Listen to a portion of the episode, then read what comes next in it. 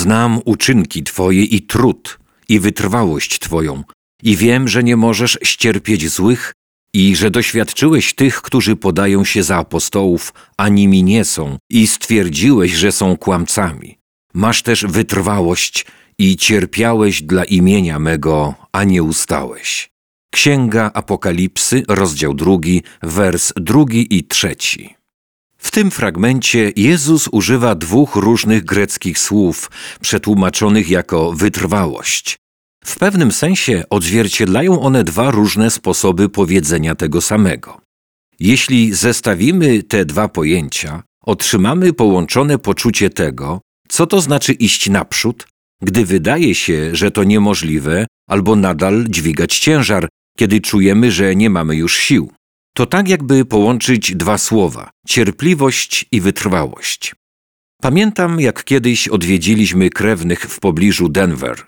Postanowiliśmy pojechać drogą wiodącą na szczyt góry Mount Evans, wznoszący się na wysokość 4267 metrów nad poziomem morza, dobrze widoczny z miasta.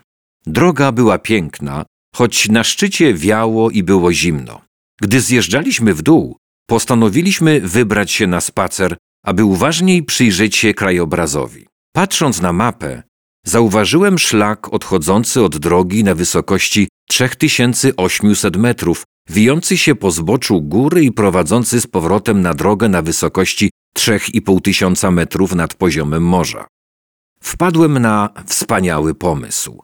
Postanowiłem zaparkować samochód na początku szlaku i pójść ze wszystkimi do następnego połączenia szlaku z drogą, a następnie wrócić drogą pod górę po samochód. Byłem w dobrej formie fizycznej i wydawało mi się, że będę się dobrze bawił. Wędrówka w dół była przyjemna. Zrobiło się nieco cieplej, a widok dzikich kwiatów radował oczy. Kiedy dotarliśmy do drogi, rozstałem się z rodziną i wyruszyłem do miejsca, w którym zaparkowałem samochód. Musiałem się wspiąć tylko 300 metrów pod górę i spieszyłem się, aby moi krewni nie czekali zbyt długo. Ale powietrze było tak rzadkie, a szlak tak stromy, że co 10-20 kroków musiałem się zatrzymywać, ciężko dysząc. Tętno wzrosło mi pewnie do 180 uderzeń na minutę, choć poruszałem się w ślimaczym tempie. Każdy krok sprawiał mi trudność i wymagał świadomego wysiłku. Miałem ochotę zatrzymać się na dłuższą chwilę i odpocząć, ale trwałem cierpliwie, wiedząc, że na dole czekają na mnie bliscy. Podobnie bywa w życiu chrześcijańskim. W dolinach radzimy sobie i robimy wspaniałe postępy.